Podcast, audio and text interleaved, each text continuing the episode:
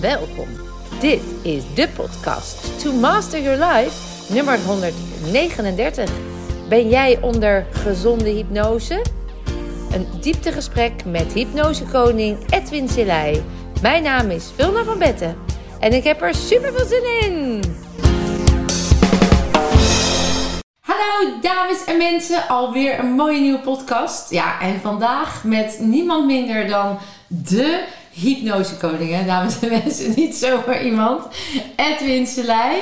Super welkom. Ja, dankjewel. Het is een eer om hier te zijn. Leuk. Ja, leuk. nou, ik, ik voel me ook vereerd. Eh, jij, hebt, jij was volgens mij de eerste die hypnotherapie een beetje echt op de kaart heeft gezet in Nederland. Ehm, ja, dat denk ik wel. Ja, kijk, ik vind het... Ik, wie er voor mij dat allemaal heeft gedaan, dat, dat weet ik allemaal niet precies. Dus het is een beetje misschien heel arrogant om dat te zeggen, maar ik denk wel dat ik er wel bij heb gedragen aan de bekendheid. Ja, vooral de zichtbaarheid van hypnose. Ja, een beetje normaliseren. De hypnose, in mijn beleving, was altijd een beetje onder de noemer van Rasta Rostelli-achtige Precies, kaken. Was een keer op een podium terwijl je dat eigenlijk niet wilde.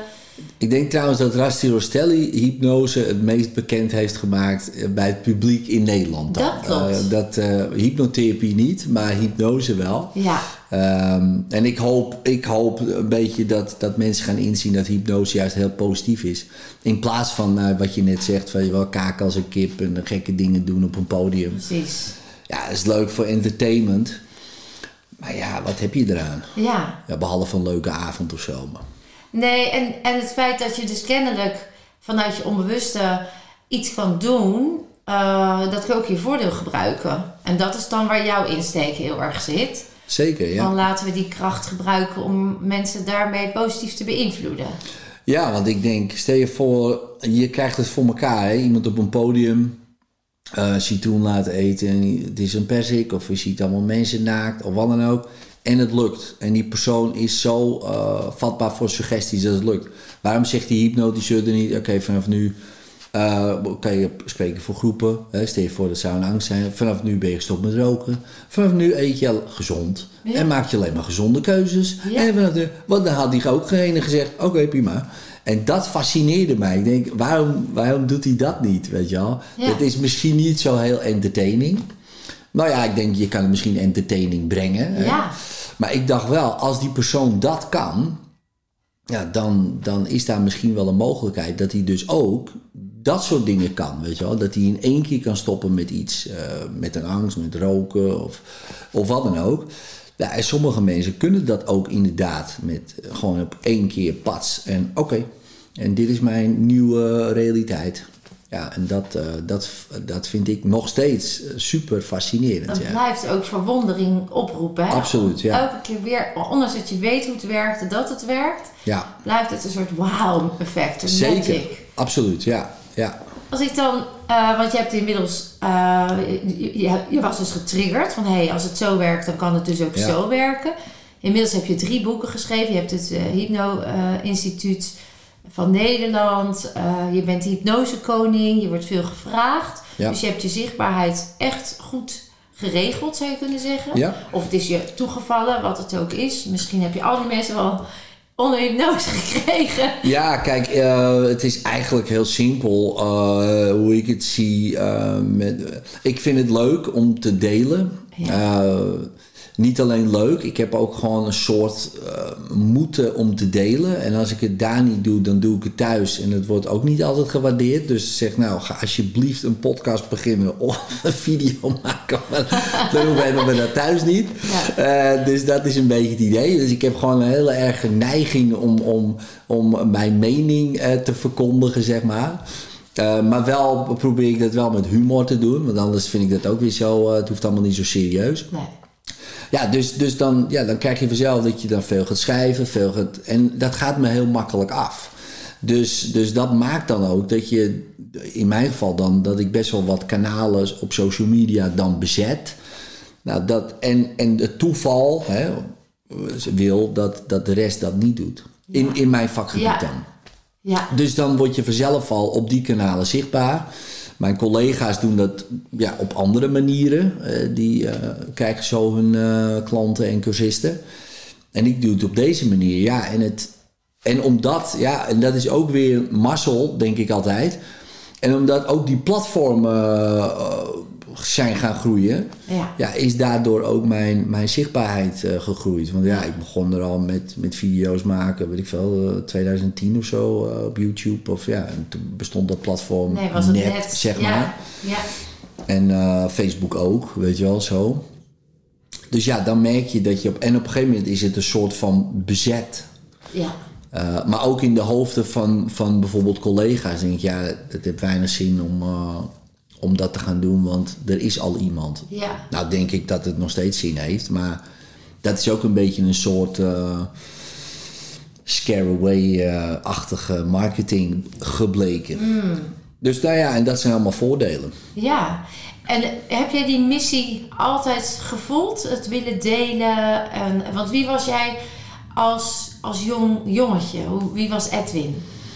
Als jong jongetje? Uh, wel heel nieuwsgierig, uh, maar voornamelijk en, en heel eigenlijk bezig met uh, wat is er nog meer dan dit leven.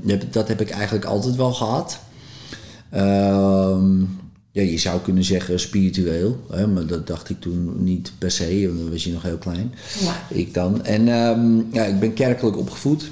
Dus gingen iedere week naar de kerk. Dus ja, dan wordt het al gauw God en engelen en, en dat soort dingen allemaal. En op een gegeven moment, uh, mijn opa stierf toen ik negen was, zo'n beetje. En op dat moment zat hij in mijn hoofd, uh, dus uh, aan praten dan. Hè. Dus dan had ik hele gesprekken in de kerk altijd. En had ik hele gesprekken met mijn opa. En nou, ik denk ik, oh leuk, weet je wel. Dat is gewoon een beetje een fantasietje van mij. Maar dat bleek dus later niet per se een fantasietje te zijn, maar dat ik dat dus gewoon kan. Ja, dus met overleden mensen praten of, ja, of op andere manieren, laten we zeggen, communiceren dan, uh, dan normaal.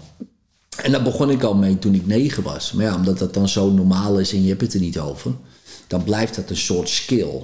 Dus het wordt dan niet van je afgenomen in de zin van ja, dat kan helemaal niet en wat ben je nou gek aan het doen. Ik had het er niet over. Ik dacht van ja, ik ben gewoon dat aan het doen. Voor jou was het normaal Ja. en je had ook niet het idee dat anderen dat dan niet hadden. Of had je wel het idee dat het bij jou anders was dan bij de anderen? Nou, ik wist wel dat anderen dat niet hadden. Ja? Want ja, en dat wist ik omdat ik denk, hoe kan, kunnen ze nou zo verdrietig zijn dat die weg is als hij gewoon is, weet je wel. Wauw. Dat snapte ik En gewoon zei je dat dan ook? Nee. En wat maakte dat je dat dan niet... Omdat, dat, omdat ik dacht, dat heeft toch geen zin. Ja, ja, dus het lijkt wel alsof je in een ander bewustzijn was... waar je dingen zag en hoorde, maar ook voelde... Ja.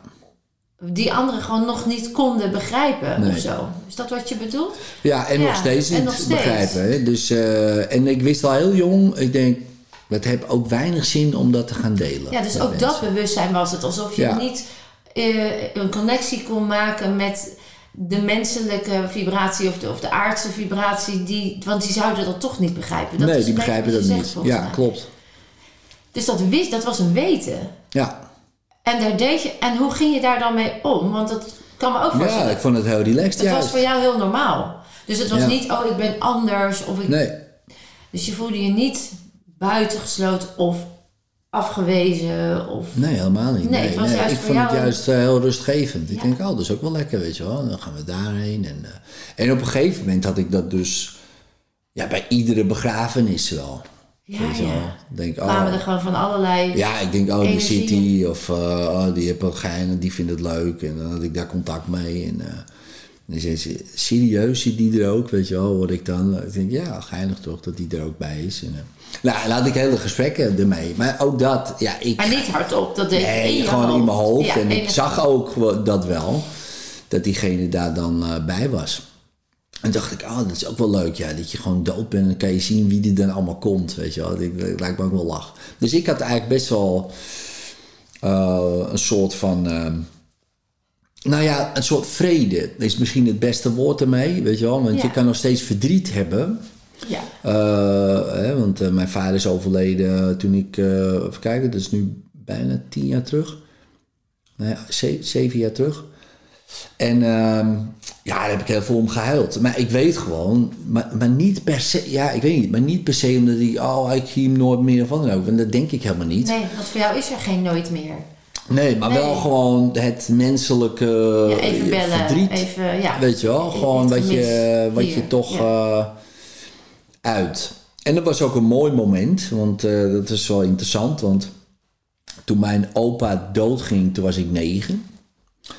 Eh, en daar stopte ik met huilen. Daar besloot ik, oké, ik eh, ga niet meer huilen. Dat was ook zo'n moment, want ik zag alle mannen niet huilen en alle vrouwen wel. En toen dacht ik, oh, als man moet je niet huilen.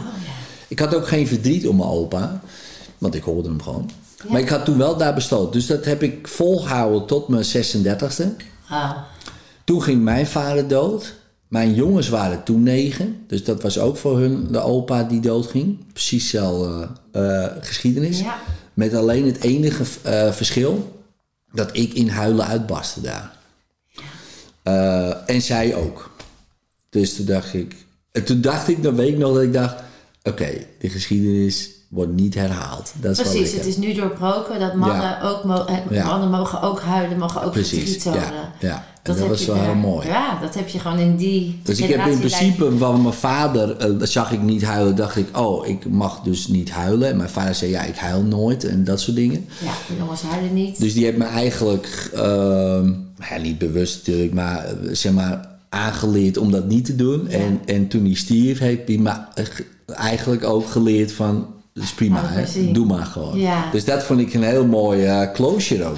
ja. Dus ehm, ja, daar ben ik hem eh, eeuwig dankbaar voor. En, en prachtig dat je dat hebt toegelaten, hè? dat je ook Ja. jezelf hebt gegund om die kwetsbaarheid, ondanks die zware conditionering die erin lag. Ja, Want als je vanaf je negende tot je 36e dat hebt volgehouden, Ja, dat, eh, dat ging prima. dan ja. eh, heb je jezelf ook wat gegund door het toe te laten. ja.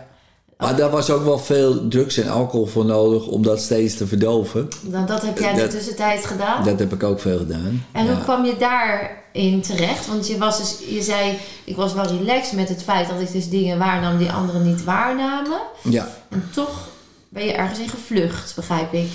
Ja, omdat ik, kijk, en dat weet jij eh, denk ik ook heel goed. Hè? Dus kijk, als je natuurlijk verdriet, wat je misschien wel voelt, maar gewoon niet toelaat. Nee, onderdrukt. dat wordt eh, iets anders. Hè. En in mijn geval werd dat eh, depressie en suïcidale gedachten. En dat, dat koppelde ik daar helemaal niet toen aan hoor. En ehm, toen was ik 16. En heel snel daarna al eh, ontdekte ik eh, dat drank en drugs dat prima konden eh, dempen. Eh, dus, en daar kwam ik vrij snel achter en dacht, oh, dit gaat goed. En ja, toen ging dat van kwaad tot erger eigenlijk. Weet je wel? Dus in het begin was het een oplossing voor een probleem.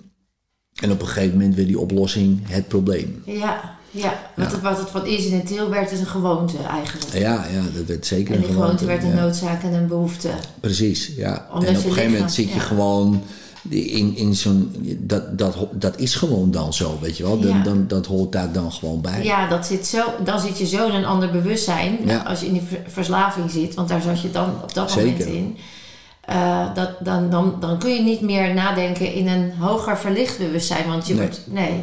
En toen jij... Al kan je best wel transcendente ervaringen hebben met ik. drugs trouwens. Ja, dat ligt eraan welke, welke je neemt. Ja, maar, zeker, ja.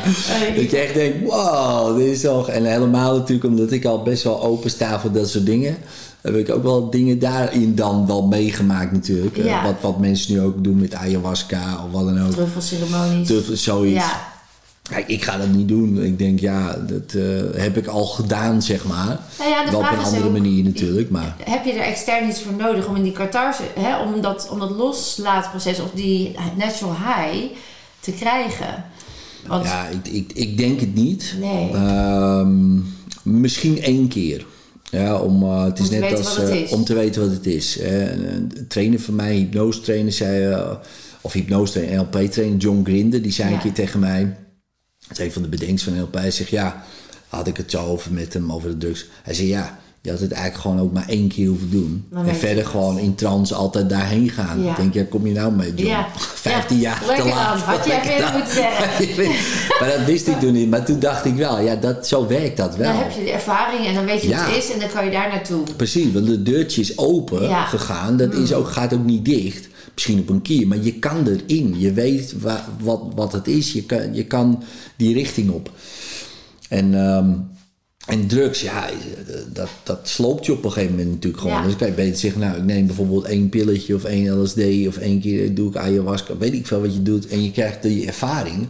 Oké, ga dan met hypnose eh, in een soort dieptrans identificatie weer naar dat Ja. moment toe. Ja, je kunt dat Dat altijd kan. weer re- reproduceren eigenlijk. Maar wat ik wel...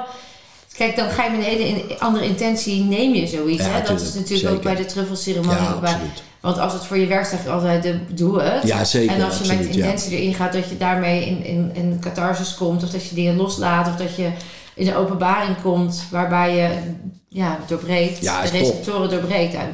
Fantastisch. Jazeker, ja. Ehm, en eenmaal, het gaat erom dat het dus weer niet een verslaving wordt. Maar dat zie je soms gebeuren, ja. Ja, dat Wel, ik snap dat heel goed, want het is zo te gek. Ja, Weet je wel, dat, je- dat, je, dat je daar weer naar terug wil. ja, Maar dan moet je eigenlijk denken: oké, wacht even, ik wil daar graag naar terug, prima. Eh, ik weet hoe het werkt. Ja, ik heb bijvoorbeeld spuiten en slikken, werd ik een keer uitgenodigd, dat is al heel lang geleden, in 2010. Eh, kan je weer drugservaringen herbeleven? ja. Ik zei ja, dat kan. Toen heb ik die drie prestatrices eh, eh, zeg maar in hypnose Oh, gebracht. dat weet ik nog. Dat heb ik gezien. Was dat niet met Geraldine? Dat was met eh, Geraldine Ja. en Nicolette Ja. en Sarayda was dat. Ja, die heb ik gezien. Daar ken ik. Sarayda van Oh, tenminste voor het eerst dan. Hè. Ja. Was een hele andere setting natuurlijk. Oh, maar die Nicolette, maar ook Geraldine, die gingen de- echt met boter en suiker in. En zeker die Nicolette, die, die deed dan paddenstoelen. Maar in een gegeven moment zei ze: Oh, ik ben een, ik ben een patatje, eh, patatteke. Ik zag helemaal in de bank, weet je wel. Die, die ging helemaal, die zat opeens die in die trip en die ging trip. hallucineren.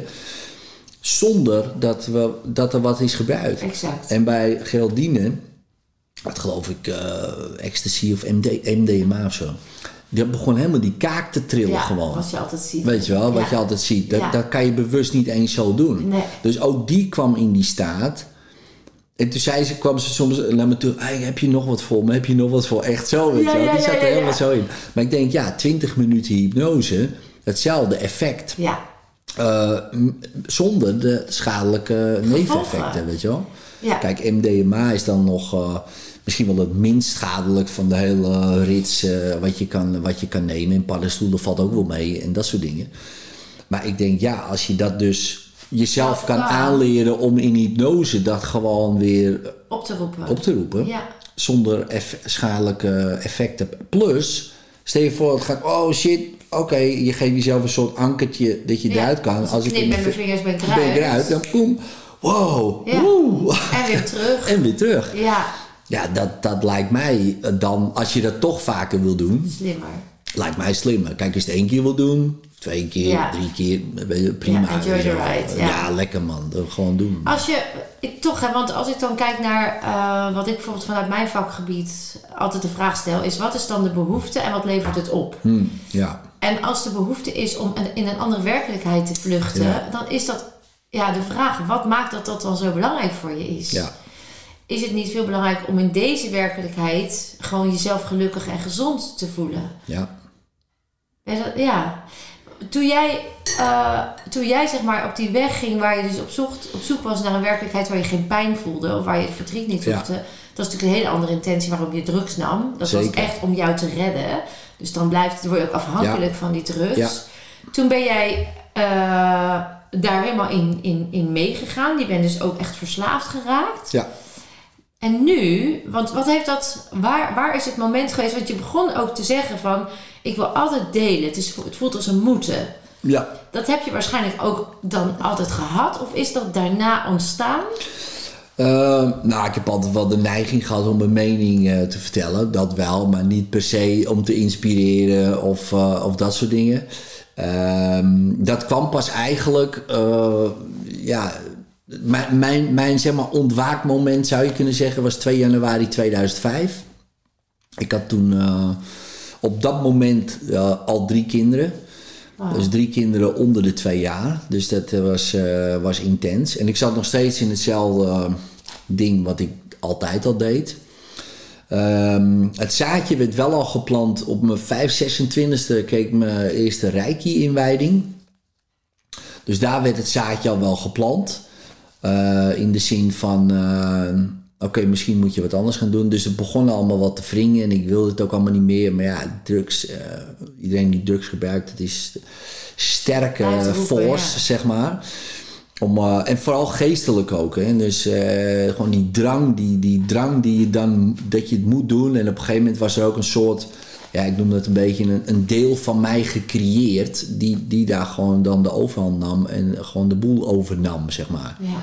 Die eh, bestond nog niet, maar die is gecreëerd in die 15 jaar op een gegeven moment. Ja. Dus, ehm, dus nou ja, goed, eh, daar werd wel het zaadje geplant. Op een gegeven moment uh, Reiki 2. Eh, ik wilde wel dat vanavond, maar het lukte nog steeds niet. Reiki 3 zelfs, weet je wel, master. Eh, dus ik ben ook wat cursussen gaan geven. En En waren zo. dat dan pogingen om ervan af te komen? Nee, dat niet. Dat niet per se. Maar Nee. ik vond het gewoon super interessant. En eh, ik, maar ik, ik, ik werd ook steeds, zeker na die eerste Reiki-inwijding, kwam dat allemaal weer terug. Van dat, eh, dat ik dingen zag. Maar Ja. toen zag ik het ook echt heel sterk. Dan was het niet een soort in mijn hoofd. Toen zag ik het opeens ook buiten me. En allemaal verschillende. Ik weet nog heel goed, na mijn eerste Reiki-inwijding reed ik naar huis. Was de woensdag, weet ik veel, avond. En ik was met mijn zusje. eh, en mijn zusje had ook eh Reiki-inwijding gehad. Ik zeg, jij ziet niet wat ik zie. Dat weet ik zeker. En ik keek zo buiten. En het was gewoon net of het koopavond was. Zo druk op straat.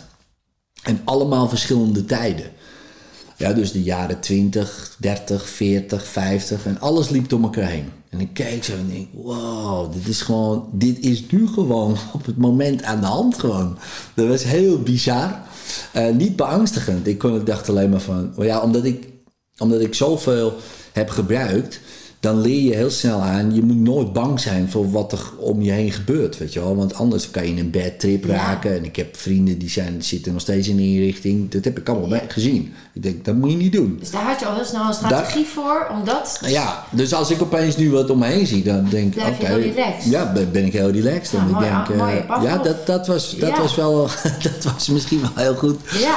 Eh, maar goed, op, die 2 januari 2005, ik had dus drie kinderen. Nou ja, toen. En mijn jongste, een van mijn eh tweelingjongens, die, eh, nou, die was zes weken oud. Die lag te kreunen in zijn bedje. Mijn vrouw zegt, het is niet goed, weet je wel. We moeten naar het ziekenhuis. Maar ja, ik was nog brak van eh 31 december. En eh, ik zeg, ah, we gaan man, die jongen, het gaat wel goed. Nee, nee we moeten het uh, huisartsenpost. Nou, wij naar de huisartsenpost, half elf. Ja, ze gaan meteen door naar het ziekenhuis. Het ziekenhuis, allemaal onderzoeken gedaan. Zeg, ja, gaat u even rustig zitten, want uh, er is een kans dat hij het niet haalt uh, vannacht. Want hij heeft een uh, ontsteking. Ja, we weten niet precies wat het is, maar ja, dat, u moet daar echt rekening mee houden. Dus ik helemaal en mijn strategie was vanaf mijn 16e, pijn, dat moet je verdoven. Hè? Dus ja. ik ging meteen naar huis. Ja. Mijn vrouw die bleef daar met die tweeling. Die dacht, wat gaat hij nou weer doen? Ik was gewoon ja, weg. Je verdoven, ja. Dus ik verdoven. Lukte niet. Vrienden ook allemaal over de vloer, weet je wel. Ik zeg, kom langs en neem van alles mee. Nou, uh, het lukte niet. En op een gegeven moment stond ik in de keuken. En toen hoorde ik een stem. En die zei... Uh, als je hiermee doorgaat, dan gaat hij dood en dat is jouw schuld. En toen zag ik allemaal beelden van zijn begrafenis en dat soort dingen allemaal. Ik helemaal kippenvel van. Ja, en toen ben ik gestopt. En toen liep ik uh, naar de huiskamer. Ik zeg, jongens, het feest is over. En ze stonden allemaal op en uh, ze liepen weg. Ik zag ze iedere week, ik heb ze nooit meer gezien. Tot op de dag van vandaag niet. Oh, echt? Ja. Die kwamen ook echt alleen voor de drugs en de verdoving en het party. Ja, het was gewoon weg. En, en jij mijn hebt zoon. Dus uh, ja, twee wins, hè, dus ik stopte. En mijn zoon uh, die uh, zit nu in het eindexamenjaar van de AVO. Dus, en het bleek een. een ze dachten een hersenvliesontsteking. Nou, dat is natuurlijk dan dodelijk, maar het was een urineweginfectie. Dus dat is natuurlijk een heel verschil. Maar ja, het was zo'n mannetje. Mannetje. Dus ja, oh, die ontsteking, of hier of hier, dat, ja. dat is of dood of leven. En bij hem was het, thank God for that, leven. En het mooie is, uh, zijn naam, uh, Jivan, uh, betekent ook gever van leven. Weet je. Ja, dus, dus die heeft mijn leven teruggegeven. Die heeft echt het laatste ja. ding voor jou Absoluut. opgelost. Ja. Om, zodat jij tot inzicht en inkeer ja. kon komen. Toen was, het, uh, toen was het klaar, ja. En toen was het ook meteen klaar? Ja. Echt helemaal nooit meer? Nee. Over mindshift en mindfucks en... Ja, uh, was meteen uh, klaar. Gesproken. Je kan ja. dus ook als de knop om is? Is de knop om, dan zit je dus in een ander bewustzijn. Klopt. Ja, ik noem, het, ik noem het nu altijd wel een soort genade. Hè? Zo, zo de hand van God van oké, nou is het klaar. Boom. En wat heeft, hij, wat heeft hij dan doorbroken in jou? Want kon je, daarna mocht je nog steeds geen pijn voelen, want verdriet mocht er nog steeds niet zijn. Alleen je greep niet meer naar de drugs. Ja, het was heel interessant wat er gebeurde. Ik had lang haar, dus ik had eh, donkerblond haar. Eh, dus eh, dus ik, ik- mijn haar ging eraf, ik had oorbellen gingen eruit. Ik zag iemand anders in de spiegel. Mijn haar werd letterlijk zwart. Dus gewoon zoals nu. Zo wop. En eh, het, ik zag gewoon iemand anders. Ik denk, ja... Dus het was helemaal niet meer van... Oh, je mag dat, moet dat verdoven. Of, dat was allemaal weg. Een shamaan zei een keer tegen mij: Jij hebt een walk-in gehad van je tweelingziel. Ja, zei ja, die. Van, ja. eh, die zijn op dat moment verenigd. Ik zei: nou Wat het ook is. eh, ik vind het prima. Ik, eh, weet je wel, ik, eh, ik neem het ter kennisgeving aan. Maar wat ik wel. het een naam, weet je, het maakt niet uit. Nee, dat maakt niet zoveel uit. Maar wat ik, wel, wat ik wel weet. Wat ik op een gegeven moment. Want ik werd steeds helderder in mijn hoofd. Ik werkte in de bouw. En eh, op een gegeven moment keek ik om me heen. Ik denk, hé, iedereen is hier ZZP'er. Ik ga ook voor mezelf beginnen in de bouw. Zo begon dat. Mijn oom die zei, dat was mijn baas. Dat moet jij niet doen, man. Je bent helemaal geen ondernemer. Ben je, ben je gek, weet je wel zo? Ik zeg, ik ga het gewoon doen. Hij zegt, ja, ga dan maar naar- de KVK een seminar volgen. Want hoopte dat ik daar zou afschrikken. Dus ik dat seminar zag ik allemaal coaches en consultants. En toen reed ik naar huis. Dacht, ja, dat word ik, man. Ik ga bedrijfstrainer worden. Ik had nog nooit een training aan Ja, wat bedrijf gegeven. Geen had je- idee. Je had dus wel werk gehad. Ondanks je verslaving werkte je Ja, wel. in de bouw, ja. ja. De mijn bouw. oom, die was mijn overbuurman ook. Die heeft me echt wel eens soms gewoon 's ochtends uit bed ge- getrokken en meegenomen. Ja, en hem ben ik ook eeuwig En dankbaar. je hebt dus wel heel veel engeltjes ook bij je Zeker, gehad, alleen maar. Ja, ja. ja, zeker. Eh, Omdat zoals, je dus die eh, missie moet gaan leven. Want dat was, je werd ook geduwd. blijkbaar, ja, ja, ja, ja, hard.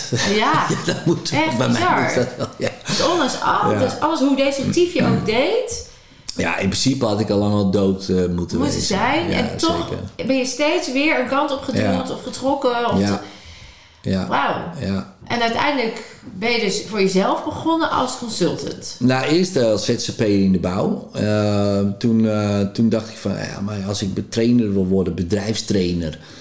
Ja, gast, jongen, dan moet je toch wel een opleiding gaan doen of zo. Want iets, dus ik googelen, eh, Haagse Hogeschool, eh, trainer en teamcoach. Ik denk, ja, ga ik dat doen? Dus ik daarheen, maar ik had helemaal geen voor, juiste vooropleiding of wat dan ook. Maar, eh, maar ik had in mijn intakeformulier... Oké, wat, wie- wat, ben je, wat doe je nu? Ik zeg sloper. Wil, wil je worden? Trainer. En die gaat zo... Oké, ik weet niet wie dit is, maar die moeten we even Oh, op gesprek. Hij zegt, ja, je hebt niet de juiste vooropleiding en zo en bla bla. Maar hij zegt, eh, zie je die boeken daar? Dat zijn van Frank Ooms en die, van trainer. Hij zegt, als je die doet en leert, kan je in principe gewoon training geven. Ik zeg, wat kosten die boeken? Ik zeg, als je me niet aanneemt, dan Ga ik die boeken koop ik zelf meteen die boeken. Nee, Ja? dit, neem ik die boeken van je over. Ja. Ik zeg, ik zie ze staan. Dus, eh, en toen eh, zegt hij, nee, nee, het- je bent aangenomen.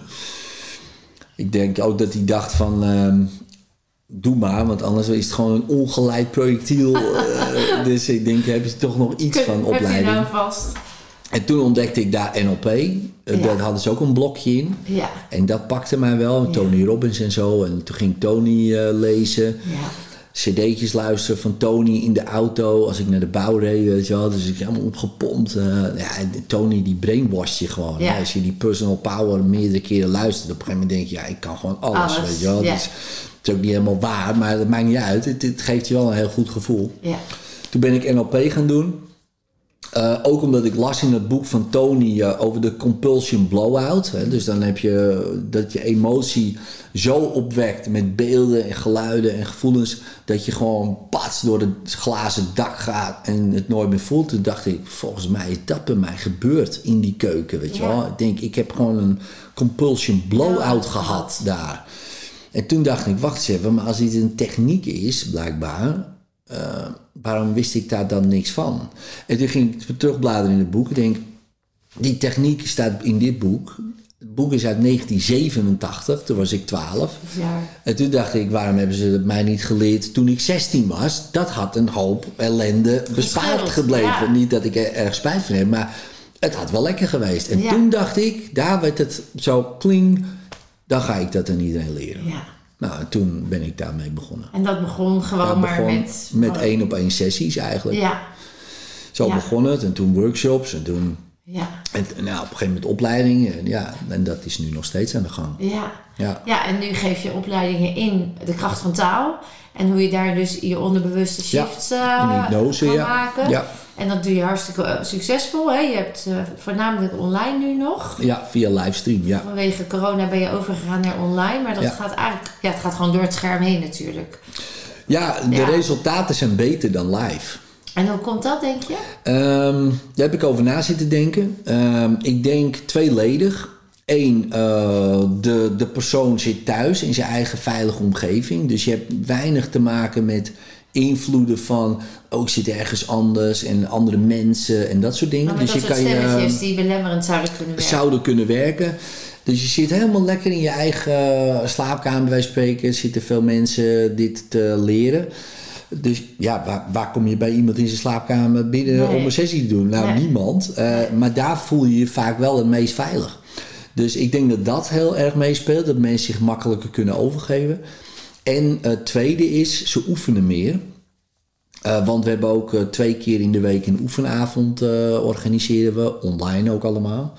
Dat hadden we daarvoor ook niet. Dus, dus als ze zeg maar altijd aanwezig zijn, dan zien we ze in principe eh, nou ja, vier keer twee plus die twee dagen, dus tien keer in de maand. Ja. Dus, dus ja, dan heb je tien momenten in de maand waarin je kwantiteit dat- is ook toegenomen. ja, dus het is de gigantisch. Ja, en, en daardoor, ja, nou ja, dat is met alles zo. Wat je veel doet, daar word je beter in. Ja, En zeker als je nog feedback krijgt van, hé, hey, doe het zo, of ga dat doen. andersom. Ja, En dan zien we nu, eh, sinds vorig jaar juli 2021 hadden we voor het eerst een examen wat gewoon een beter resultaat was dan ooit daarvoor ook live. Echt en toen dacht ik, wauw, met livestream, weet Ja. je wel, had ik echt nooit... nee. Ik had er ook nooit echt eh, mensen zeggen, oh, had je dat, eh, wilde je dat altijd doen? Of weet ik van, nee man, ik had een heel ander plan voor, me- voor corona Ja, om te gaan doen. Ik Ja. wilde meer eh, locaties, weet je wel, meer groepen, live dan, hè, maar op verschillende locaties. Dat was het hele plan. ja. Je wilde het als een olievlek gaan verspreiden landelijk. Ja. En nu gebeurt dat eigenlijk via de En nou gaat het wereld. zo, ja. En het grappige is, eh, we hebben nu eh, cursisten uit Dubai, Marokko, Zweden, Italië. Ja, dat kan ook. Het kan Ja, en opeens was het, oh, Ja, ja. het is eigenlijk nog veel eh, breder op deze manier. Dus nu gaaf. gaan we ook internationaal. eh, vanaf augustus komt eh onze eerste Engelstalige VR-cursus, Oh, Virtual Reality. Dus ehm, die wordt in juli gefilmd en in augustus wordt die gelanceerd op de Oculus. Ehm, door, eh, door een paar Amerikanen. Dus ik zit daar in, in. Er zitten nog meer cursussen in. Dus die gaan dat groots lanceren. Dat is leuk. Dus nou ja, wie weet ehm, komt daar een interessante spin-off om, eh, om dan zeg maar eh, Om het ook echt internationaal door internationaal te laten. eh, te doen. En we kunnen het allemaal doen vanuit Heemskerk, weet je wel. Ja, want da- daar zit de studio. Daar zit gewoon de En studio. alles kan. Ja, dat is natuurlijk wel Het fantastisch. is echt, want ik zat altijd weer, ik wilde best wel internationaal, maar weet je, ik ben heel erg lui eigenlijk. ik wil niet dat ergens heen. eigen? Ja, misschien wel, maar sommige mensen vinden het leuk om overal heen te gaan. Oh, ja, ja. Dat bedoel ik, Ja. weet je wel, reizen en ik wil dit zien en dat heb Dat ik helemaal niet. niet. Nee, dat hoeft Nee. voor mij niet. Nee. En, ehm, maar goed, hè, dus zo zit ik. Dus ik dacht, ja, weet je, internationaal. Ik, zie, ik zag dat als heel veel gedoe. Ja. Eh, maar nou, niet meer. Nee, het is nu natuurlijk heel dichtbij. klik en mensen zijn het gewend, weet je wel. Ook eh, om, eh, of heel veel zijn het gewend. Om via Zoom gewoon te werken. En, dus dankzij eigenlijk eh, het virus wat we niet bij naam mogen noemen. Anders worden we gecensureerd door alle kanalen.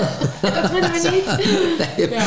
nee, maar goed, eh, gekkigheid. Maar, Ja, maar er is ook heel veel dankzij. Dus ik denk dat het goed is om dat te benadrukken. Ja, ik, ik, voor mij wel, ja. Ja. Dus, dus het heeft mij heel veel opgeleverd. Ja, Hè, aan, eh, maar niet alleen business-wise. maar- Ook als mens. Maar ook als mens Ja. en als eh, van ja, wie, wie ben ik? Weet Ja, we moesten naar Eh, binnen, letterlijk, Ja, toch? ja letterlijk. Ja. letterlijk. ja, en het heeft mij echt heel veel rust gebracht. Ik dacht van, oh, dit is voor mij heel lekker. Ik Ja. snap ook dat voor heel veel mensen het totaal niet lekker was. Zeker als je wat extra vetter bent en je laat op door andere mensen. Ja, Maar ja, ik, ik loop meestal leeg door andere mensen. Ja. Dus ja, Ja. mij eh, was het prima. Ja. En, eh, en gelukkig voor die jongens ook. Want ja, dat was ook, die zijn allemaal jong, ja, jongeren, zeg maar. Dus nu. Dus, maar ja, die gingen ook lekker. Ja, ik denk dat gelukkig. het sowieso goed is om dat moment te gezien als een moment van bezinning. Ook al ben je extravert of introvert. Er zijn gewoon heel veel dingen die anders mogen en optimaler mogen. En dan mogen we elkaar gewoon eens even, onszelf even goed voor aankijken. Wat Ja. is mijn bijdrage geweest tot nu toe, waardoor we Ja. nu staan waar we staan? Ik denk dat dat ook iets is wat, wat iets moois kan opleveren als je daar de tijd voor neemt. Ja. In plaats van te balen dat je naar binnen moet en er tegen te vechten. Want die energie gaat sowieso niks brengen. Ja, en ik, ik, ik snap zeker wel dat mensen gaan strijden voor dingen.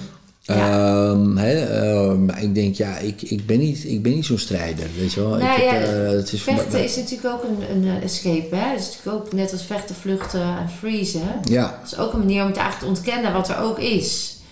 ja, misschien wel. Ja. en eh, ik denk ook wel dat, je, dat sommige mensen geboren vechters zijn, weet je wel. Die hebben gewoon hun rol hier op aarde. Ja. Wij vechten. En eh, Ja. weet je wel, die gaan ook in een ring en die gaan ook dit en die pakken ook de wapens op en die gaan dat doen. Ik denk, nou prima. Ja. Eh, die moeten er ook wezen. Maar ik, ja, ik zie dat nut er niet van in. Nee. Want ik denk gewoon dat het allemaal goed is zoals het is. Ja. Al vind ik dat, al denk ik daar soms eh, iets anders over. Maar ergens weet ik gewoon, ja, dit, dit gaat iets heel goeds komt brengen. goed. Het komt goed. En, eh, en misschien niet persoonlijk voor mij, dat zou kunnen. Weet je wel, maar wel voor het geheel. Als je toch in dat vertrouwen zit, dan is er dus ook geen noodzaak om te vechten. Voor mij niet, nee. Nee, nee, dus dat is voor jou de Voor manier om ermee om te gaan. Maar ik snap wel dat mensen eh, eh, een soort rol hebben gekozen hier eh, als vechter. Ja, wat ook weer nodig ook- is. ja, Dus wa- ja, alles wat ook heeft- weer prima is. Precies, want alles Ja. is in evenwicht, zoekt weer een balans en vindt elkaar. Ja, Wauw, ik word onwijs geïnspireerd. Ik denk, oh, dit wil ik vragen en dat wil ik vragen. Dus ik, eh, waar, ik, waar ik bij jou vooral... Je zegt eigenlijk, ik wilde heel veel geven. Ik voel heel veel eh, dingen die in een andere werkelijkheid zijn. Je bent hier teg- tegelijkertijd op aarde met een vrouw en drie mooie kinderen. vier zelfs. Vier inmiddels Ja, zelfs. vier, Doe vier. maar. Ja, ja, ja. ja. Die, ja, je kan er wat Ja, van. je denkt 302. Maar we hadden op een gegeven moment vier kinderen van onder de vier. Dus, Echt? dus we zijn gewoon doorgegaan. Oh, wauw. Nou, dat tenminste tot dan hoor. Ja, en daarna was Toen het op een gegeven moment hadden we zo kwart als geboortekaart eh, bij die vierde kwartet. Toen dacht ik ook echt, dat is klaar. Klaar, wij hebben het binnen. We gaan geen quintet of Nee. een sextet of derde. Het is wel dat gezellig. Nee. Ja, ja, ja, dat is leuk. Ja, En zeker. ondanks dat eh, ben je gegaan en gaat het dus ook. Hè? Ja. Dus dat is ook hartstikke ja, bewonderingswaardig. Die, ehm, je, je bent getriggerd door die hypnose. Want daar Ja. in NLP zit ook hypnose. Ik Ja. heb zelf ook NLP. Ik ben ook NLP trainer geweest. Een beetje dezelfde route herken Ja, ik. cool. Ja, En ehm, die hypnose die heeft je het meest getriggerd. Ook om te voelen, dit gaat het zijn. Want hier kunnen we het verschil mee maken, denk ik. Hè? Ik denk dat daar vooral jouw, eh, jouw, jouw bijdrage, dat het bijdrage leveren voel ik bij jou heel erg. Alsof je door die shift die je hebt meegemaakt ook het gevoel hebt gekregen van... maar nou moet ik hem ook benutten of zo. Als, dit, als ik nou nog steeds leef, na alles wat ik heb meegemaakt... ja dat is gewoon een soort eh, Dieper, ja. lo- ja, logisch ding of zo. Hè, Ja. dan. Van, eh, ik denk, ja, waarom weet, weet niemand dit? Ja, Kijk, en ik ben wel zo, en jij zei dat ook net heel mooi. Ehm, kijk, eh, als mensen. Ze moeten er maar mee doen wat ze willen doen. ja, maar wel die, dat ze weten dat het er is. Kijk, Ja.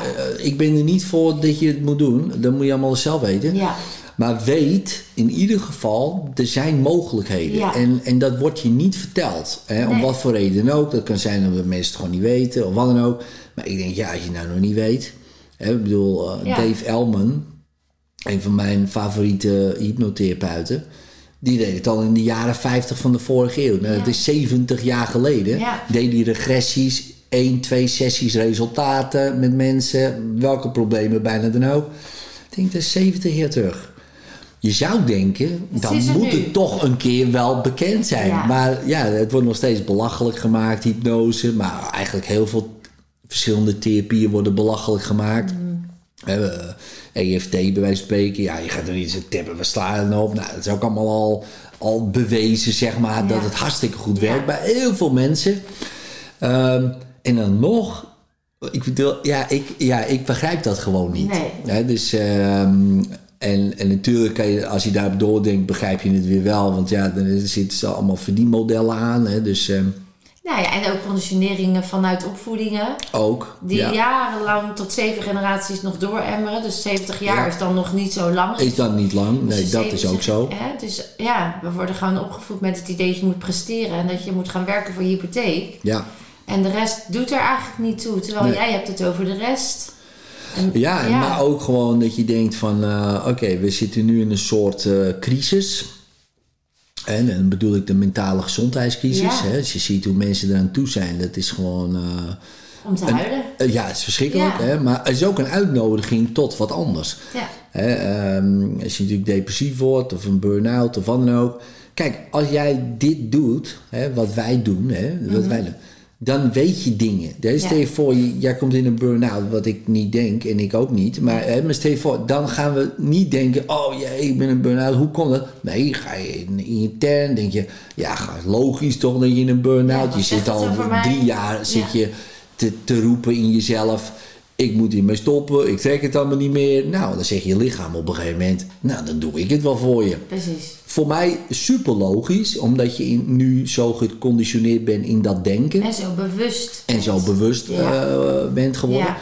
Maar ik denk dat kan je vanaf de middelbare school al leren aan die kinderen. Vanaf de lagere school. Vanaf de lagere school al spelende wijs. Ja. Hè? Zeker die NLP-techniekjes. Ja, fantastisch. Gevoelomdraaitechniekje. En kijk, Ja. je kan ook een beeldje wegzetten. Oh, wat geinig, ik kan dit. Dan wil spelen. invloed, ja. Ja, de invloed op, je, op, je, op je emoties je, En en, dat soort dingen. gevoel. In Ja. plaats van, eh, nou ga maar in de hoek staan of ga, hè? Ja, Nee. dat is ook waanzin Ja, normaal, weet je wel. toch- Echt zo ja. ouderwets Zo ouderwet. En het is gek eigenlijk, ja. Ja, ik zie wel nu langzaamaan. Ik heb veel onderwijzers en, en hulpverleners ook in de zaal.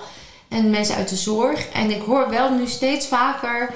Ja, het begint te komen. Ja, Het begint te Dat- dat- druppelen. dat- ik zie dat ook wel. Jij ook, denk ik, hè? Ja. Ja, ik, zie- eh, nou, ik zag het bij mijn jongens op school. Dat ik dacht, oh, het is wel echt anders dan bij mij op school Ja, vroeger. precies. Maar kijk, het is... We hebben nog wel wat te doen. Ja, ik, ik hoorde in, laatst een podcast en die zei van ja, het onderwijssysteem eh, moet anders of wat dan ook. En toen zei hij ja, onderwijs en systeem, dat zijn twee verschillende dingen. Goed. Eh, weet je Ja. wel? En onderwijs eh, veranderen, ja, moet je doen. Maar het systeem, dat moet helemaal weg. Eh, Dat moet je niet veranderen. Dat hele systeem, dat hele meer. woord moet Ja. gewoon eraf Het is gewoon. geen systeem, nee. En toen zei hij iets heel moois. Hij zegt, stel je voor, je, gaat, moet, je moet een test halen op de middelbare school. Eh, je examen, hè, je wil 100% slagen. Dan, dan ben je als individu, dan ga je leren. Ben je 100% heb je de- die test en dan heb je het goed gedaan. Stel je voor, je gaat met vijf mensen eigenlijk cheaten. Hè? Dus je gaat, met- jij weet dat, jij weet wat voor Ja. wiskunde, ik weet dat. En we gaan dat uitwisselen en we halen allebei 100%, hebben we gecheat. Ja.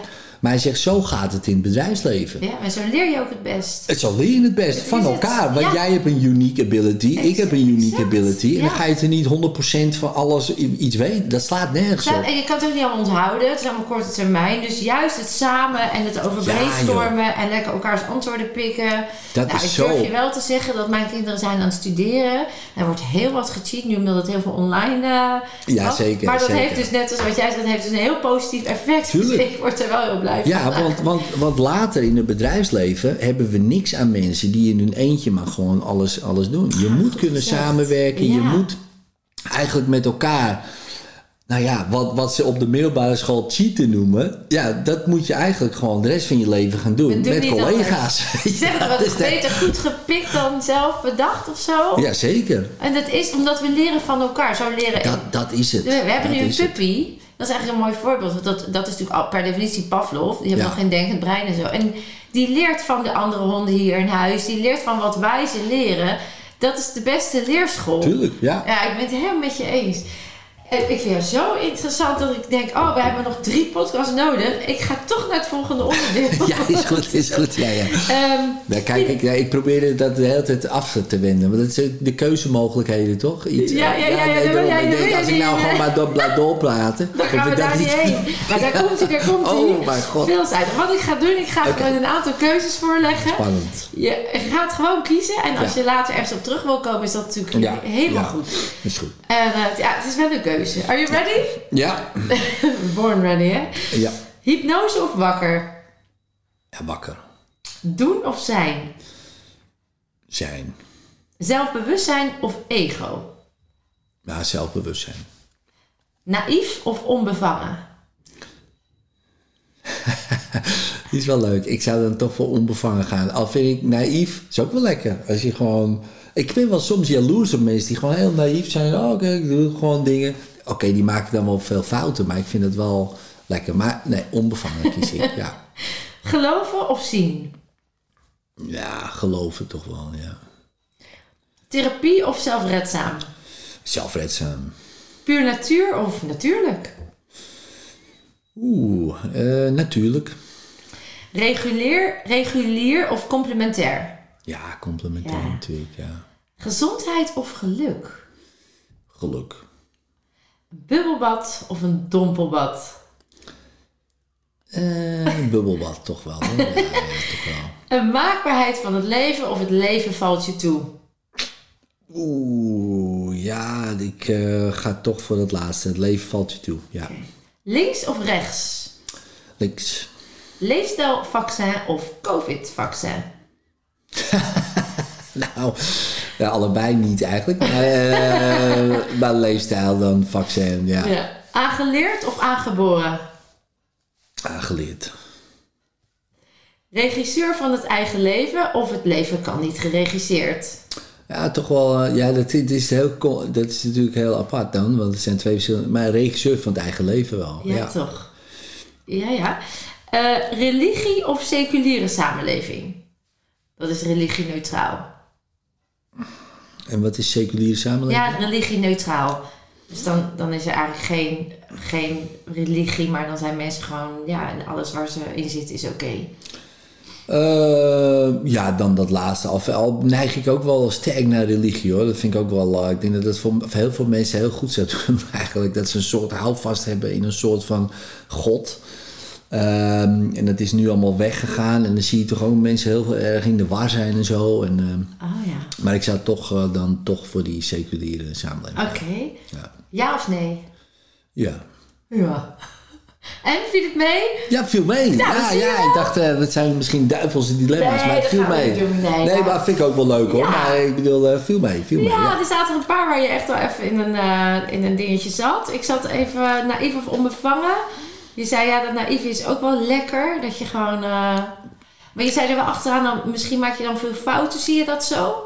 Of zie je het dan dat dat dan de manier is om onbevangen Nou ja, dat, dat is de- wel wat ze zeggen over mensen, weet je wel. Van, eh, ja, je bent wel, eh, eh, nee, het- je bent te naïef. En dan vaak resulteert dat dan in, ja, dat had je dus ook even beter over na moeten denken. Want nu zit je in de penarie of weet je, heb je Oh, zo. problemen. Zo, zo, zo, zo zie ik dat woord een beetje. Eh, dus daarom onbevangen, maar... ehm, ja, een bepaalde naïviteit is wel lekker, ja. Het is ook een soort... Naïef kan ook onbevangen zijn als je daar weer van leert of zo. Dan is het Ja, mooi. Dan, heb je, dan is het geen niet als falen, maar een soort groei. ja. Door die naïviteit weet ik nu, ja, ja. Ja, precies, maar dan Ja. ben je het niet meer. Dan ben je het niet meer Ja, dat daarom, daarom. En dat, dat bedoel ik. Dus, dus, dus het is het. helemaal niet erg om... eh, ik vind allebei niet erg, maar dan- als ik moet kiezen, dan kies ik dan meer voor onbevangen. Ja, dat is wel eh, prettig. Ja. Ja, en toen hadden we het over eh, ehm, maakbaarheid van het leven. Ja, of het ja. leven valt je toe. En daar zat je een beetje inderdaad van, ja, maar als ik dan zeg het leven valt je toe, dan, en de regisseur van het leven, dan daar zijn je twee- even, ja. Het zijn twee verschillende dingen. En toch koos je wel voor Ja, het leven valt je toe ja, en maakbaar. Hè? Of, of regisseur van het leven. ja, ja. Kan je daar iets over zeggen? Ja, ja, kijk, voor mij is het zo van... eh, eh, Edwin die wil eh, graag dat hij de regisseur van zijn eigen leven is, al valt het hem toe. Oh, oké. Dat Dus is een zo, mooie... eh, zo zou ik hem dan... eh, Eigenlijk een soort mindfuck. Dat je, dat je het voor jezelf...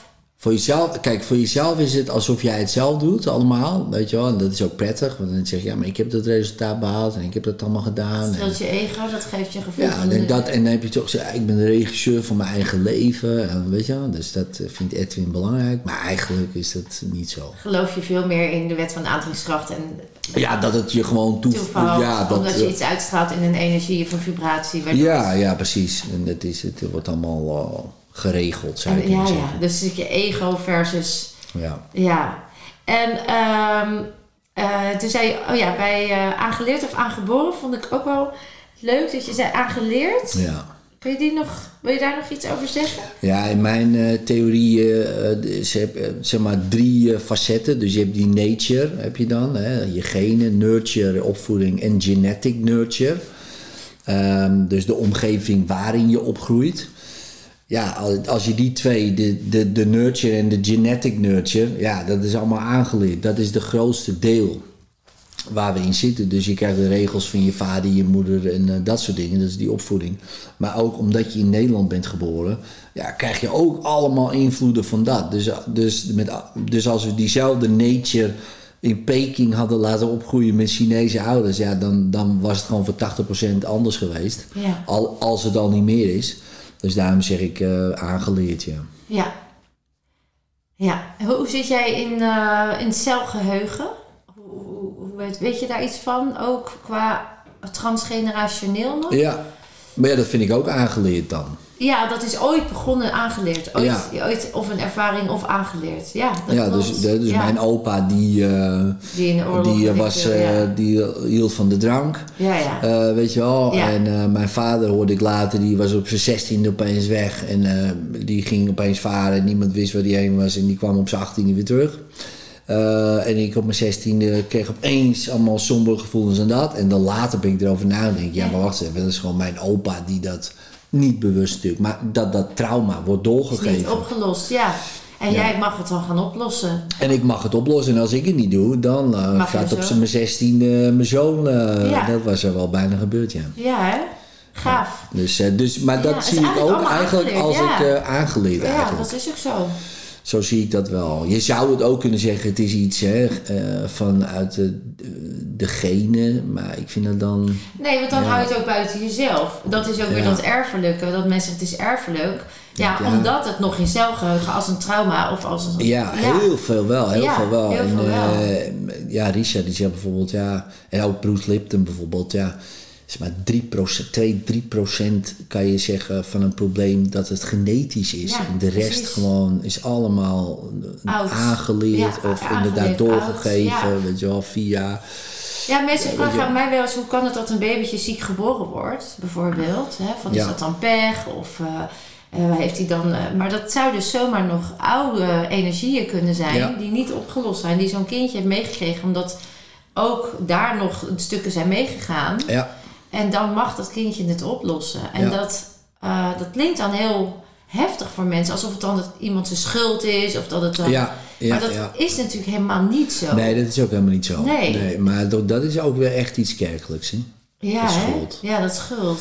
Ja, dat is echt, dat is er zo goed in eh, gebrand bij mensen. Al sinds eh, 1500 of zo. Ja, dat is... eh, Dat zit er zo diep in. Ja, Want hoe, dat, dat kwam nog even. Religie of... eh, wat hadden we? Religie? seculiere maatschappij. Eh, ja. Toch? Ja. En toen koos je... Ergens ook wel zei je... Religie heeft iets. Als Ja. een houvast. Ja. Ja, Nietzsche die zei op een gegeven moment: God is dood. Ja. En eigenlijk sinds die tijd zie je toch wel steeds meer ellende ontstaan. Mensen zeggen ja, geloof is de grootste oorzaak van oorlogen. Dat denk ik het ook wel. Dat is in ieder geval een hele grote. Uh, maar het is, geeft ook houvast bij heel veel mensen. En nu dat is weggegaan en God uh, bestaat dus niet, hè, volgens de wetenschap dan. Zeggen ze ja, God bestaat niet. denk je, ja, maar wat dan? We zijn altijd ook altijd gewend geweest om, denk ik, oh, uh, de vulkaan barst uit, oh, de goden doen het, Ja. weet je, en de donder. En op een gegeven moment hebben we alles verklaard. En, en, en nu, weet je wel, is Ja. shit. En wat gaan we dan doen? En dat zie je wel, dat vond ik wel mooi, het boek van uh, Sapiens Ja. uh, van Harari. Die zegt van ja, nu zijn de goden de bedrijven geworden, weet je wel. Nu gaan we die als een soort afgoden zien. Omdat dat toch iets is wat wij uh, ja, doen of zo. Ja, iets mythisch zoeken of iets en dan waar denk we- ik, nou, als je het toch... Koningshuis, dus toch ook iets... Ja, precies. Toch of een soort houvast Ja. van... uh, maar dan denk ik toch, dan kan je beter God hebben als Iets idee goddelijks. dan Mark Zuckerberg of... Uh, of weet ik veel. Of, of, of van of... eh, Google of weet ik veel. ja. Of niet zo, weet je wel. ja, Persoonlijk dan. Iedereen moet het zelf weten. Maar ik denk wel... uh, ja, dat het uh, mensen best wel uh, veel brengt. Niet alleen uh, per se... Um, um, een soort van geloof, maar ook dat het een soort richting geeft, maar ook een paar regels, leefregels. weet je, wel. ga je zo niet dit, ga je zo niet dat. En natuurlijk overtreedt iedereen die regels, maar Ja. als jij natuurlijk toch een soort gevoel hebt dat er op je in de gaten wordt gehouden, ja, dan ga je toch vaak wel een iets beter leven leiden.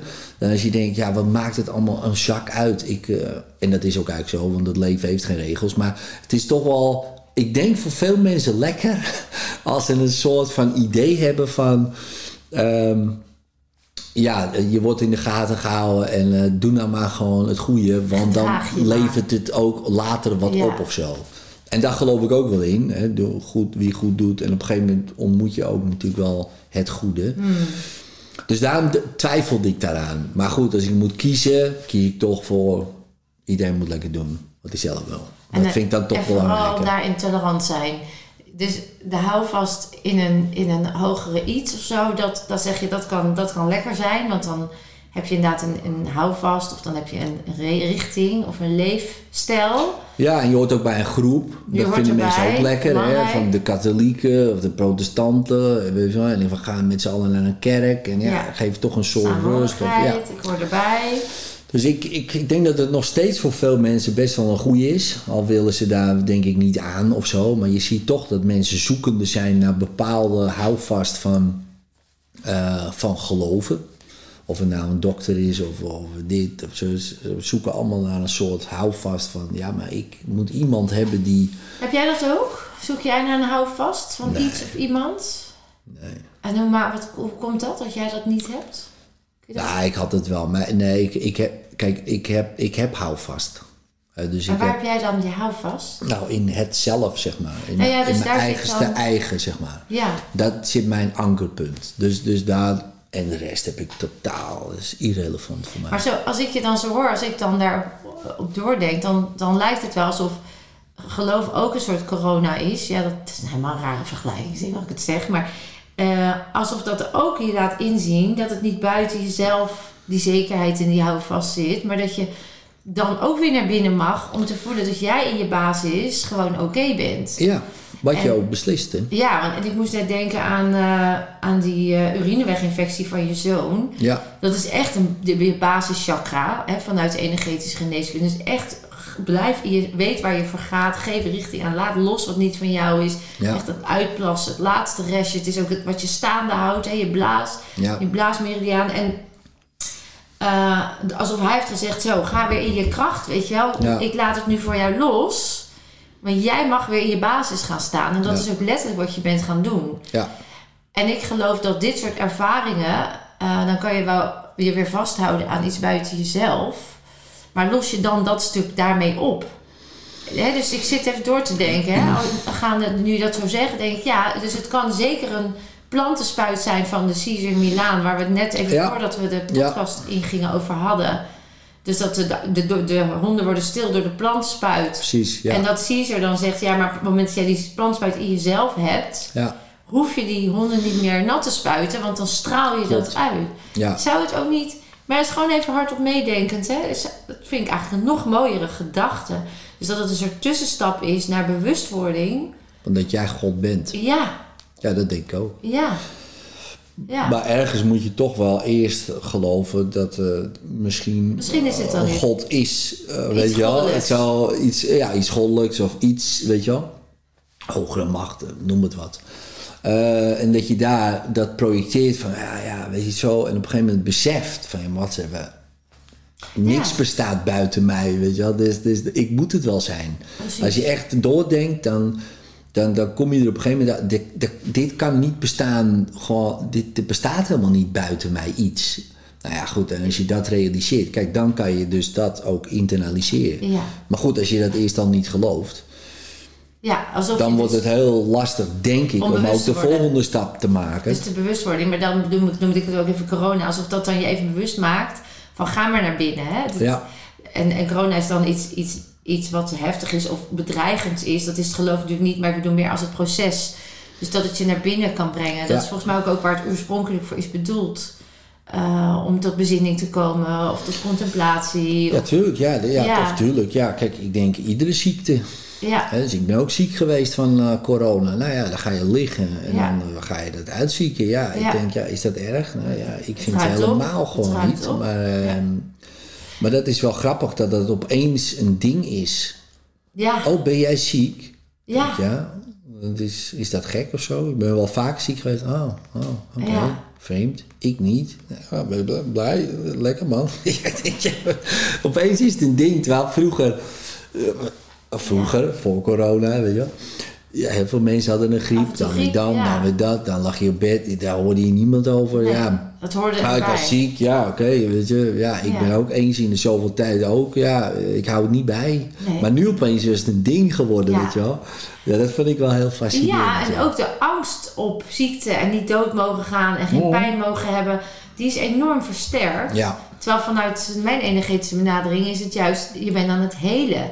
Je lichaam is aan het opruimen. Je lichaam wil je iets vertellen. Ja. Je mag naar binnen, ga maar voelen. Wat Ja. zegt het over jou? ja, Ik vind dat dus een cadeau om uit te pakken. Waardoor je de volgende keer anders voor jezelf gaat zorgen. Of hè, die pijn is dan nodig om het anders te gaan doen. Als je het niet zo kan zien. En er wordt aangepraat dat het heel erg is als je dood van kan gaan. Nocebo placebo. Nou, vanuit hypnose weet jij daar alles van. Mhm. ja, ja, dan wordt het Dan wordt het een ding. Ja, En daar, ja, dat vind, ik, dat, dat vind ik juist nu zo mooi. Dat ik zie dat mensen dat niet meer langer pikken of zo. Dat hoop ik dan. Dat ze nu zien van ja, dat kunnen jullie wel zeggen. Maar de pijn is nu groot genoeg om te zien dat het anders is, de werkelijkheid. Dat gevoel krijg ik een beetje. ja. Nou, ik, eh, jij hebt meer vertrouwen dan ik. Oké. Ja, Ik denk gewoon, eh, als in het najaar eh, weer die pas weer komt en dit, dan gaat iedereen gewoon weer... in de lockdown. De meeste. eh, ja, Ja, ja. Ik heb daar. Kijk, weet je, mensen. Daarom zeg ik, weet je, daarom zou het voor veel mensen goed zijn dat ze gewoon lekker gaan geloven. Omdat mensen zijn toch heel, weet je, daar heel vatbaar voor. En dat zou goed voor ze zijn Ja. om, om die regels te leren. Om gewoon lekker die Bijbel te lezen of wat dan ook. Ga maar lekker dat doen. Uh, want uh, dat is een, een goede eerste stap. En kom je voor, in vertrouwen. Uh, ja, en dan, en geloof je, weet je wel, dan geloof, het maakt me niet uit, ik ben een soort van onschendbaar, want de Heer beschermt mij. Nou, top. Ja. Ik denk dat het een hele goede eerste stap is. naar vertrouwen. Ja, precies. Ja. En ook als je dan ziek wordt, ben je ook niet bang. Nee. Dan denk ik, ja, God wil Ja. het zo, weet je wel. Ik, ik ken mensen die zijn zo eh, met God, dat ze zeggen, ja, ziek, ja, God wil het zo, weet je wel. Ja. Ja, maar je zoon die heeft dan een kanker. Ja, nou ja, ik, ik weet niet wat de Heer voor de bedoeling heeft, maar ik geloof dat het goed komt. Waardoor Denk er een soort ja. acceptatie op komt. Ja, en het grappige vaak is, eh, of het interessante, is dat, ehm, is dat je dan natuurlijk ja, misschien ook wel de mogelijkheid hebt om toch net even wat sneller te helen. Ja. Want je hebt die stress niet of wat dan ook. Dan, eh, en dan zeg je, oh zie je, God heeft me dit. En dan gooien ze dat ook weer bij. Ja. Prima, doe maar, weet je wel. Ja, In- dus in den beginnen in vertrouwen, dankbaarheid, acceptatie. Ja. En daar, dat is helend. Dat Ja, en daarom zei ik, religie Ja, zou voor heel veel goed zijn. Alleen, ja, mensen willen daar niet meer aan, natuurlijk. Want, eh. Tenminste, maar het zou wel... Nooit. Nee, precies. Maar ik, ik denk nu zie je heel veel mensen helemaal in de war zijn en verward. En dan klampen zich vast aan, ehm, aan bijvoorbeeld Mark Rutte en Hugo de Jonge. Nou, dan kan je echt serieus beter de, de, de katholieke priester eh, aanhangen. Persoonlijk. Maar goed, eh, dat persoonlijk. Eh, niks meer tegen die mensen. Maar ik denk, ja, als je daar al je, al je dingen op... dat, dat lijkt me niet heel Nee. verstandig, per se.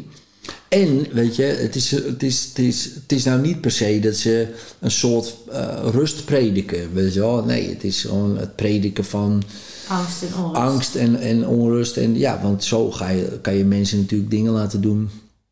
wat die doen meer om pijn te vermijden dan om, om plezier te verkrijgen Ja. natuurlijk. Dus, eh, dus ik, snap, ik snap die hele redenering. Ja. Maar, maar dan zie je dus wel, denk ik dan, het verlies van, van een soort geloof maakt dat je een soort ja, vatbaar bent voor, nou ja, voor, voor een autoriteit of voor een ander iemand die opstaat.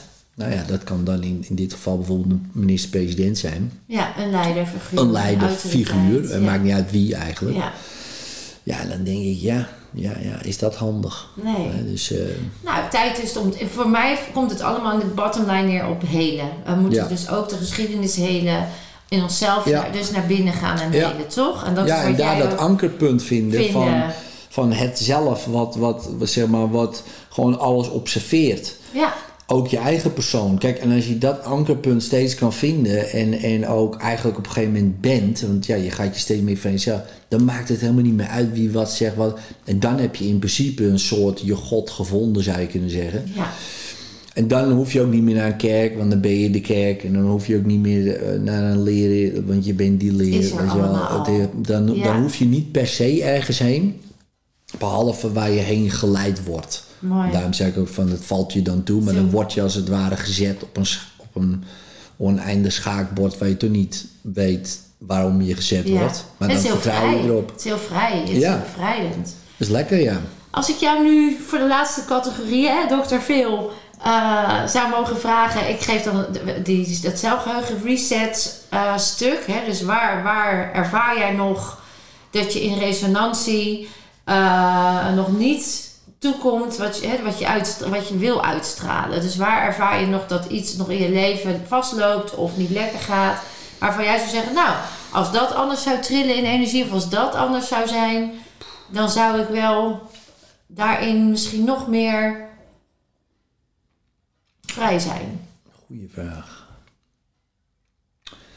Ik ben er natuurlijk heel veel zelf mee bezig, dus dat is wel interessant. Eh, ik denk, als ik moet kiezen, dan is bij mij eh, mijn, mijn, mijn buikregio, zeg maar. Da, dat, dat, zou, dat zou, laten we zeggen, beter kunnen. En dan bedoel je je onderbuik. Onderbuik, ja. Dus- Darmen en eh, het, verteren van dingen en eh, Loslaten. loslaten. Ja, precies. Want ik merk wel dat ik huilen gaat. Ja. Hè, dus dat heb ik geleerd. Ehm, maar eh, heel kwetsbaar opstellen, dat eh, gaat ook steeds beter. Maar als ik dan toch een punt kan kiezen, dan, eh, Dan zou je daarin nog dan zou ik daar nog wel wat, wat meer kunnen loslaten. meer ja. in alignment zijn met jezelf. ja. En dan darmen staan ook letterlijk voor basisveiligheid. Hè? Dat is weer dat gebied, dat onderste gebied. Dat is Ja. natuurlijk ook logisch dat dat bij jou nog een soort na-restje is van alles waar jij vandaan komt. Want je was letterlijk uit je fundament geslagen. Je was letterlijk verwijderd van jezelf. Ja. Letterlijk niet veilig met, met wie je was en wat je kon. Ja. Dat heb je ook in een escape neergezet. En dat heb je herpakt en teruggevonden. En in die reis zit je eigenlijk nog, Nog steeds, ja, nog steeds. Ja, met ja. heel veel wat het al heeft opgeleverd, zou je eigenlijk zeggen: ja. Ja. dat stuk zou ik nog wel in celgeheugen meer veiligheid en rust willen geven. ja, Ja, nou, dat, ik zou me met het verhaal wat je vandaag verteld hebt, dus ook, dan zou je heel makkelijk ook de link leggen naar de oorsprong. En die zit denk ik inderdaad al generaties ervoor. ja, En daar komen, we ook hè, in een reset op uit, waar, waar bij elke generatie het ook was. En dat stuk mag je dan omarmen en dan zie je ook dat het niet meer er hoeft te zijn. Eigenlijk Ja. precies die shift. Ja, mooi dat je dat, eh, dat, je dat zo... eh, het, eigenlijk is die heel logisch, vind je niet? Nu hem zo... ja, ja, zeker. Ja, ja. En eh, ik denk dat ik me, zeker ook als kind, ehm, heb ik me nooit echt, echt, weet je wel, op mijn plek. Ik snapte het nooit echt, weet Nee, je wel. precies. Van, eh, ik denk, wat, wat is die mensen, ze zeggen dit en ze doen dat. Ik snapte het niet. En ik vond pas rust eigenlijk in die andere wereld. Ja, dat snap ik. Ik denk, oh, dit is die plek eh, die ik snap, weet je wel, zo. Dus mensen En, waren eh, voor jou rare wezens. Dat klinkt een beetje raar, maar vanuit jouw perspectief. Ja, toe. hoezo ook gewoon, eh, ik, ik, snap, ik snap, weet je, dan zeg je het een en je bedoelt het ander. Ja. En dat had ik allemaal door. Maar ik denk, zeker kinderen hebben dat feilloos door Feilloos, natuurlijk. Ja. En ja, dat, dat maakte mij gewoon, denk ik, ook wel in de war. Ja, dat snap ik. Nee, het is, wel. heel, En, eh, het is dus heel logisch. En en nu vind ik het nog steeds, snap ik het niet. Maar nu vind ik het prima. Ja. Dus nu snap ik dat de meeste mensen gewoon in de war zijn. En dat dat dus niet per se iets is wat... ehm, wat alleen in mijn gezin gebeurde. Maar eigenlijk als je het wereldwijd bekijkt, ja, ik denk dat 90, misschien wel 95% van de mensen zwaar in de war is eigenlijk. Ja. Dat je gewoon, en, en niet, ja, gewoon dat ze gewoon niet weten niet waar ze heen gaan, wat ze willen. Ja, precies. En, ja. Weet je wel, en dat ze gewoon zijn geconditioneerd om, ja, eh, weet ik veel, om dingen te doen die ze eigenlijk helemaal niet willen. En, en dan ben je gewoon in de war. ja. Ja, en dan ja, kom maar eens uit de war. Ja. Ik bedoel, het is niet makkelijk. Maar, Maar ik vind het ook wel goed en mooi dat je zegt... ik begrijp het nu. Ja, Maar dat neemt niet weg dat die, dat gevoel, wat er ook nog is, ja, eh, er niet kan zijn. Hè? Dus, en Precies. daar, daar zit je, dat zou, dat zou dat laatste helingje zijn. ja, ja. Nou, wie weet maken we nog een mooie afspraak. ik wil je in ieder geval super bedanken voor je prachtige inspiratie. Ik zou, ik- we kunnen nog uren doorgaan, want ik heb eigenlijk nog heel veel vragen. Dus wie weet komt er nog een vervolg. Cool. Maar voor nu wil ik je echt super bedanken, Edwin. Ja, jij bedankt. Echt, eh was mooi. Ja, ik, Ja. ik vergeet trouwens wel de laatste categorie, maar dat is dan mooi en een leuke afsluiter. Dat is veelzeggend. Zou jij nog Hmm. één ding mee willen geven aan de lu- luisteraars en of kijkers waarvan je zegt, nou dat zou zomaar een verschil kunnen maken bij die persoon? Ehm, ja, nou ja, dat, eh, dat alles waar je eigenlijk eh, mee zit of tegenaan loopt of maakt niet uit wat. Ook het goede, maar laten we even het minder goede nemen. Dat dat gewoon een hypnose is. Hè? Dus dat, dat het niet echt is. Dat het een hypnose is vanuit jou. En, en, het, en wat jij ook zo mooi zei, niemand schuld aan, dat is zoals het is. Maar dat die dus kan veranderen. En dat je het dus anders kan zien. En ik denk dat dat een eh, gigantische kans is voor iedereen. Om, eh, om, eh, om de wereld ja, zo te kunnen bekijken. Want ja, de wereld, jouw wereld hoeft niet te bestaan uit alleen maar problemen. maar kan prima bestaan uit alleen maar geluk en vrede. Mooi. Nou, die nemen we mee.